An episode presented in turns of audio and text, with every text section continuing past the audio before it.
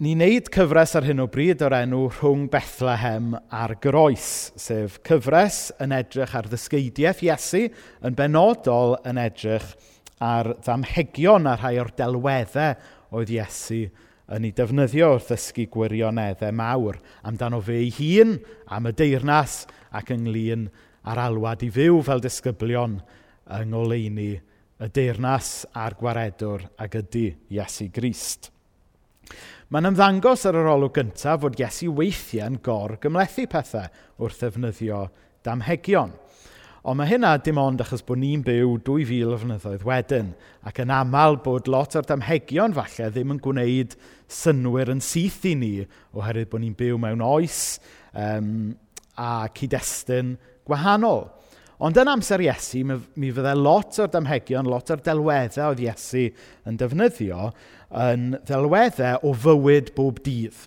A dyna pam oedd Iesu mwy na thebyg yn ei defnyddio nhw. Oedd eisiau cyfathrebu y gwirioneddau mawr mewn ffordd y byddai pobl gyffredin y mywyd bob dydd yn ei deall. A mae hynna yn arbennig o wir yn y ddameg sydd gyda ni bore yma, lle mae Iesu yn defnyddio dau wrthrych um, o fywyd bob dydd er mwyn trio dysgu gwirionedd mawr. Felly mae'r darlleniad bore yma yn dod o Efengil Matthew, penod 9, dechrau darllen yn adnod 14. Dyma ddisgyblion Iwan yn dod at Iesu a gofyn iddo, Dyn ni a'r phariseaid yn ymprydio ond dydy dy ddisgyblion di ddim. Pam? Atebodd Iesu nhw, dydy pobl ddim yn mynd i wledd briodas i fod yn drist ac i alaru. Mae nhw yno i ddathlu gyda'r priodfab. Ond bydd y priodfab yn cael ei gymryd i ffwrdd oddi wrthyn nhw, a bydden nhw'n ymprydio bryd hynny. Does neb yn trwsio hen ddilledyn gyda chlwt o frethyn newydd sydd heb shrincio. Byddai'r clwt o frethyn yn tynnu ar y dilledyn ac yn achosi rhwyg gwaith. A dydy gwyn sydd heb ei fedi ddim yn cael ei dywallt i hen boteli crwyn. Wyth i'r gwyn ei fedi, byddai'r crwyn yn byrstio ac yn defetha, a'r gwyn yn cael ei gochi. Na, rhaid tywallt y gwyn i boteli crwyn newydd. A bydd y poteli a'r gwyn yn cael ei gadw. Nawr, beth sydd gyda ni fan hyn ydy delwedd ynglyn a hen bethau a pethau newydd. A fel y gwelwn ni mewn munud, yr her gan Iesu yw fod yr hen a'r newydd, er falle'n werthfawr yn ddyn nhw i hunain, ddim wastad yn ffitio gyda'i gilydd. Felly, fel gweithgaredd i'r plant bore yma, dwi eisiau chi fynd um, fyny grisiau neu o gwmpas y tŷ, a dwi eisiau chi wisgo fyny mewn pethau sydd ddim yn mynd gyda'i gilydd. So, er enghraifft, fe allwch chi wisgo um, gwisg, dwi'n mwyn gwybod, gwisg Thunderbirds neu gwisg Spider-Man gyda Wellington's dad. Neu gallwch chi wisgo fyny um, fel yn gwisgo fyny cit pildroed, ond gwisgo het mam. So, meddyliwch chi am bethau hen a newydd, a pethau sydd ddim cweit yn ffitio gyda'i gilydd, a gwisgwch nhw, a wedyn gofyn i mam neu dad neu nain a taid, dynnu llun a danfon y llun mewn i fi ar WhatsApp, a newn ni weld beth sydd wedi dod i mewn ar y diwedd, a newn ni rannu rhai o'r lluniau yna ar Facebook y capel wedyn. Nawr, fel o'n i'n dweud, mae lot o'r damhegion yn anghyfarwydd i ni. A mae hwn yn ddameg falle sy'n weddol anghyfarwydd. Mae yn un byr sy'n defnyddio um, dau ddelwedd o fywyd bob dydd yn amser Iesu. Um, a mae'r arferion cymdeithasol mae'r ddameg yma'n cyffwrdd anno, hefyd yn weddol estron i ni. Dydyn ni ddim yn byw mewn oes le mae pobl yn patio lan hen ddillad bellach. Wedi dweud hynny, mae wedi dod yn fwy ffasiynol a da felly wrth i bobl drio byw yn fwy gwyrdd i adfer dillad ac upcyclo dillad unwaith eto. Ond ar y cyfan, da ni yn amffodus yn byw mewn cymdeithas wastraffus, le da ni'n taflu allan pethau a cael pethau newydd yn llawer rhy hawdd. Mae e lot haws prynu jumper newydd am ddecbynt o peacocks nag yw e i gael um, patchen a pwythau allan a trio trwsio eich siwmper chi. Ond yn amser Iesu, doedd dim modd just picio i asda neu peacocks i brynu uh, deg pac o sanau am bimpynt. Ond yn hytrach, oedd rhaid i bobl, wel, actually, oedd pobl jyst ddim yn gwisgo sanau yn amser Iesu. Ond chi'n deall y pwynt fi'n siarad wneud. Yn amser Iesu, oedd dillad yn rhywbeth o rhaid i chi drwsio ac ail ddefnyddio trwy'r amser. Ac felly, yn amser Iesu, oeddech chi ddim yn defnyddio, os oeddech chi eisiau trwsio hen ddilledyn, oeddech chi ddim yn defnyddio darn newydd o frethyn. Oherwydd ma' brethyn yn shrincio wrth i chi i drin a'i wisgo a'i olchi fe. Nawr, nes i ddysgu e, uh, bod hyn yn wir y ffordd anodd unwaith, achos uh, un tro fi'n cofio gath Mena dop newydd o ryw siop, sa'n gwybod o le, um, ond ddim yn meddwl mai o peacocks o dderwch e fel na. Ac wrth gwrs, o'n i'n meddwl bod fi'n neud ffafr a taflu fe mewn i'r olch gyda nillad i i gyd. Ac wrth gwrs, dath e allan o'r olch ac oedd y pryn yn ffitio cadog. Ac o'n i ddim yn ddyn poblogaidd iawn yn y tŷ y diwrnod yna. Dyna sy'n digwydd i ddillad, um, os ych chi ddim yn ei trin nhw'n iawn. Maen nhw'n shrincio. Ac felly, be, be mae Iesu'n dweud fan hyn? Os, os oeddech chi'n cael dar newydd o frethyn a sticio fe ar hen frethyn, yna byddai'r uh, bydde brethyn newydd yn shrincio ac yn rhwygo ac yn neud y broblem yn waith. Dim bod dim byd yn bod efo hen frethyn, dim bod dim byd yn bod efo brethyn newydd, jyst bod nhw ddim yn ffitio gyda'i gilydd. Na mae rhywbeth tebyg ynglyn â gwyn. Dwi ddim yn gwybod sut mae gwyn yn cyrraedd eich tŷ chi. Dwi'm yn gwybod os yw cyrraedd fesul bocs fel mae cyrraedd uh, tŷ rhai pobl yn Segotium Road South ac yn neud i'ch cypyrddau chi syrthio lawr. Ond fel arfer, mae, mae gwyn yn y wlad yma'n dod mewn poteli gwydr gyda corcyn a sgriw top. Ond yn amser Iesu, mi fydde gwyn yn cael ei storio mewn crwyn anifeiliaid. Na, dwi'n mynd syndio'n appetizing iawn o gwbl. A wedyn, ond y syniad oedd, byddech, byddech chi'n rhoi gwyn ffres mewn uh, croen lledr anifail, a wedyn wrth i'r gwyn eiddfedu a ffermentio a chwyddo, mi fydda'r croen wedyn yn, yn tyfu ac yn stretcho gyda fe. Ond wrth gwrs, tesach chi'n neud y camgymeriad o roed gwyn newydd mewn hen groen, hynny yw croen oedd eisoes wedi cael ei stretcho mor bec ag allai fe fynd, yna wedyn bydde y croen yn ffrwydro ac yn torri a bydde tipyn o fes a gwaith mopio gyda chi i wneud. Unwaith eto, ddim bod dim byd yn bod gyda'r newydd, dim bod dim byd yn bod gyda'r hen. Jyst bod nhw ddim wastad yn mynd gyda'i gilydd. Felly beth ar wyneb deiar mae Iesu yn trio i ddysgu gyda y ddameg yma ynglyn â'r hen a'r newydd, ynglyn â'r brethyn a'r gwyn a'r croen? Nawr, er mwyn deall be mae Iesu yn trio dweud fel hyn, mae rhaid i ni edrych ar y cyd-destun. Beth oedd yn mynd ymlaen just cyn i Iesu adrodd y ddameg yma? Wel, mae Iesu yn cael ei herio gan y phariseaid ac hefyd gan rai o ddisgyblion. Iowan. A dyma mae e'n dweud yn adnod 14 i'ch atgoffa chi. Dyma ddisgyblion Iowan yn dod at Iesu a gofyn iddo. Dy ni a'r phariseaid yn ymprydio, ond dydy dy ddisgyblion di ddim. Pam? Nawr un peth sydd yn hawdd i ni anghofio falle yw nad oedd Iesu yn berson crefyddol iawn. O leia ddim yn berson crefyddol fel i ni'n meddwl am grefydd a person crefyddol heddiw.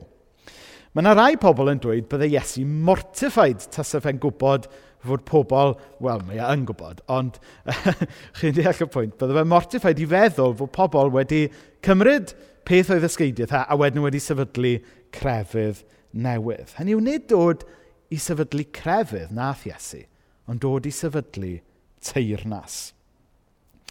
Fe ddath ei gyflawni a ddewidion, i gyflawni proffedolaethau y grefydd iddewig. Ond yn sylfaenol, ddath e ddim i sefydlu crefydd.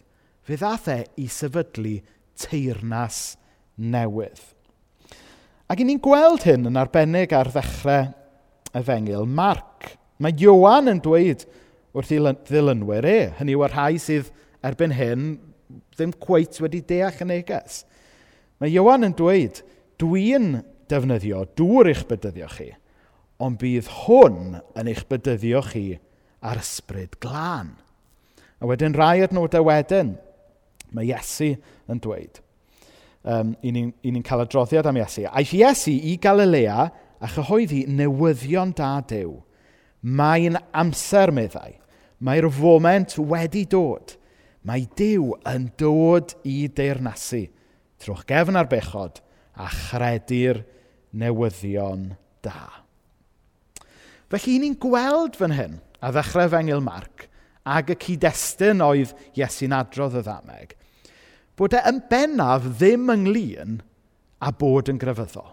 Ond yn hytrach bod e ynglyn â cyhoeddi teirnas newydd cyhoeddi fod yna shifft a newid radical yn digwydd trwy ac oherwydd Iesu. A bod yna ddim gwahoddiad i fod yn fwy crefyddol, bod yna ddim gwahoddiad i ymuno mewn efo traddodiadau a defodau crefyddol o rheidrwydd. Ond yn hytrach, mae galwad yr efengil ydy gweld ac ymuno a teirnas newydd. Oedd dim byd yn bod ar ymprydio. I ddweud y gwir, mewn llefydd eraill, mae Iesu yn annog yn prydio, a mae ei hun yn ymprydio, a mae yna alwad i ddisgyblion Iesu hyd heddiw yn prydio fel rhan o fod yn ddisgyblion iddo fe. Ond oedd Iesu, wrth weld y cwestiwn yma gan ddisgyblion Iwan, wrth weld y cwestiwn uh, gan y phariseaid, oedd e'n gweld beth oedd tu ôl y cwestiwn. Neu oedd e'n gweld mai rhyw trap crefyddol oedd ganddyn nhw fel hyn. Oedd ynglyn â gweld os oedd Iesu ynglyn ar allangolion. I weld os oedd e'n cyn ar gadw traddodiadau, cadw defodau, neu oedd yna rhywbeth newydd yn mynd ymlaen. A be mae Iesu'n trio dweud yn y ddameg mewn ymateb i'r cwestiwn, dwi'n meddwl, yw falle bod na werth i'r hen a bod na werth i'r newydd ond bod nhw ddim wastad yn mynd gyda'i gilydd. Dyn nhw ddim wastad yn compatible. Felly beth yw'r neges i ni yn codi allan o'r delwedd a'r damhegion yma? Wel, yn sydyn iawn, dwi am drio cymhwyso'r ddameg ar dri lefel. Yn bersonol, fel eglwys, a wedyn fel cymdeithas. So, yn gyntaf, yr her bersonol sydd yn codi o'r ddameg. Nawr mae Iesu yn y busnes o roi bywyd newydd a cyfle newydd i bob un ohono ni yn bersonol. Mae e wedi marw, mae e wedi atgyfodi er mwyn i ni gael maddeiant, er mwyn i ni gael holl ddeiau a pechodau ddoi wedi delio nhw, wedi cymryd oddi ar yn ysgwyddau, er mwyn i ni gamu ymlaen i'r bywyd newydd gwell mae Iesu yn deisyfu i ni. Hynny yw, fel sydd wedi cael ei ddweud droion yma, mae Iesu'n caru ni jyst fel ydan ni, yn llawn o'n beiau, yn llawn o'n gofidiau, ond mae e'n caru ni ormod i'n gadael ni fel ydan ni. Na i ddweud hwnna eto. Mae Iesu'n caru ni jyst fel i ni, ond mae e'n caru ni gormod i'n gadael ni fel i ni. Hynny yw, mae eisiau ni droi cefn ar yr hen er mwyn camu mewn i'r newydd. Ac felly, os ydyn ni o ddifri wedi credu, wedi derbyn maddeiant, fe newn ni fel disgyblion i Iesu ddysgu troi cefn ar rai bethau. Falle fod yna bethau, perthnasau, diddordebau, syniadau, serchiadau o'r hen fi sy'n angen i ni droi cefn i gamu mewn i'r fi newydd sydd yn Iesu. Falle bod yr hen bethau na'n iawn yn ei lle, ond oedden nhw'n cymryd y lle mae Iesu yn ei heiddi yn ein bywyd ni. Meddyliwch am eiriau Iesu'r wraig oedd wedi dal mewn godineb. Mae Iesu yn dweud fel hyn. Dwi yna i ddim yn dy gondemio di, chwaith, meddai Iesu. So dwi Iesu ddim yn condemio'r wraig, mae'n derbyn hi just fel mae hi. Ond nid dyna ddiwedd yr adnod. Mae'r adnod yn mynd mlaen wedyn i ddweud, felly dos a pheidio pechu fel yna eto. Mae Dyw yn derbyn ni fel i ni, mae e'n derbyn ni yn yr hen berson, yn llawn o'n beiau, yn llawn o'n pechodau, ond mae e yn yn gwahodd ni mewn i fywyd newydd gyda fi. A dyma i ni'n gweld yn y ddameg yma, yw fod yr hen a'r newydd ddim wastad yn compatible. Er mwyn gwir derbyn y newydd, mae rhaid troi cefn ar yr hen. So dyna yw yr her bersonol. Mlaen awr at yr her i'r eglwys. Nawr, mewn chydig wythnosau, byddwn ni'n edrych ar ddameg y mab a fradlon. A chydig bach o, o spoiler alert cyn y neges yna, nid y mab sy'n rebel yn y stori ydy'r unig fab sydd yn bell oddi wrth y tad.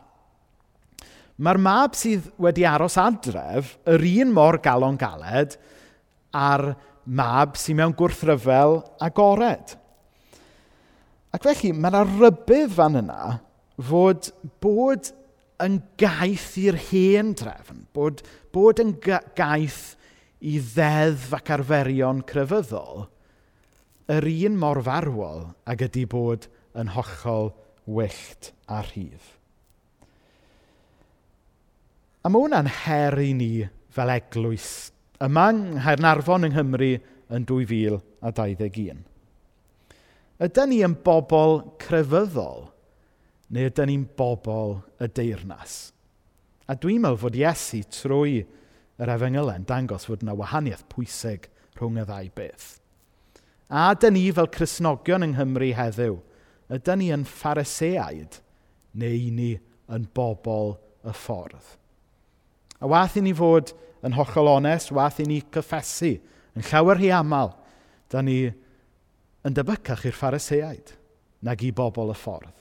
Ac felly, fel Cresnogion, fel eglwys, mae angen i ni edif am fod yn rhy glwm i grefydd yn hytrach na camu mewn i fod yn bobl y deyrnas. Ydyn ni fel eglwys weithiau wedi yn rhwymo gormod i'r hen. Yr hen ffordd o feddwl, yr hen ffordd o wneud pethau. Neu ydyn ni'n agored i weld beth mae Dyw yn gwneud yn newydd, yn yn tref, yn yn gwlad, yn yn byd. Ac ydyn ni yn barod i adael fynd i'r hen er mwyn partneri efo Dyw yn Iesu yn y newydd. Wedyn y trydydd pwynt, yr her fwy cyffredinol i'n gwlad ac i gymdeithas heddiw. Nawr, mae wedi bod yn bach o ystrydeb dros y flwyddyn diwethaf i ddweud bod ni ddim eisiau pethau i fynd nôl i fod yn union fel oedden nhw cyn y pandemig. Nawr, yn amlwg mae yna lot o bethau ni'n disgwyl mlaen i fynd nôl i fel oedden nhw. Da ni'n disgwyl mlaen i, i allu treulio mwy o amser gyda'n teulu a'n ffrindiau. Uh, mae Arwel Jones yn disgwyl mlaen i roi cwtches i bawb eto. Uh, da ni yn disgwyl mlaen i'r ysgolion ailagor er mwyn i'r plant gael gweld i ffrindiau a cael uh, addysg wyneb yn wyneb unwaith eto. Ond mae yna bethau eraill, da ni ddim eisiau rhithro nôl iddyn nhw mae lot o bobl wedi mwynhau teithio llai. Um, oedd lot o bobl mewn swyddi falle le oedd rhaid iddyn nhw deithio, a mae pobl wedi gwefferogi gallu teithio llai. Llai o gyfyrfodydd yn gyffredinol a'r cyfyrfodydd yna yn rhai byrach. Llai o bwysau i fod yn gynhyrchiol a prysur trwy'r amser falle. Pobl wedi mwynhau byw bywyd yn fwy syml ac yn fwy gwyrdd. Lot o bobl yn mwynhau prynu mwy o siopau lleol ac yn y blaen.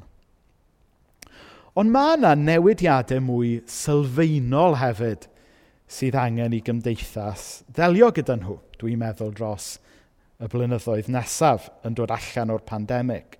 Er enghraifft, mae ystadegau yn dangos fod pobl tlawd mewn cymdeithas wedi cael ei effeithio yn fwy na'r boblogaeth cyffredinol gan Covid. Nid achos bod yna rhywbeth genetic yn anghywir gyda pobl tlawd sy'n neud nhw fwy susceptible i ddale na neb arall, ond yn hytrach oherwydd amgylchiadau yr economi a cymdeithas yn golygu fod pobl tlawd yn fwy tebygol o orfod parhau i fynd mas i weithio oherwydd bod nhw'n methu gweithio o adre. A mae rhywun yn clywed um, am adroddiadau anecdotal ynglyn â pobl sy'n ar um, zero hours contracts, sy'n falle fod hunain ynysu, ond bod nhw methu wneud hynny, achos tasen nhw'n hunain ynysu a ddim yn mynd i'r gwaith, bydden nhw wedyn ddim yn gallu talu rhent a talu biliau. A mae lot o bobl yn, yn dweud, wel, dyna chi drist, dyna chi ofnadwy. Ond mae rhaid i ni fel cymdeithas ofyn, wel, be ni'n mynd i newid te? Fel bod yr anghyfiawndera yma ddim yn bodoli yn y dyfodol. Nawr, siŵr bod rhai ohonych chi adre, poeni, oh gosh, mae Rhys di mynd bach yn, uh, bach yn marxist fan hyn. Ond nid dyna beth yw e, mae e ynglyn a reslo gyda be mae bod yn bobl y deyrnas yn golygu i bob rhan o fywyd. Be mae'n golygu i'r tlawd yn y cymdeithas? Be mae'n golygu i ofalu am y greadigaeth? Os ydy Iesu yn arglwydd, mae e'n arglwydd ar bopeth.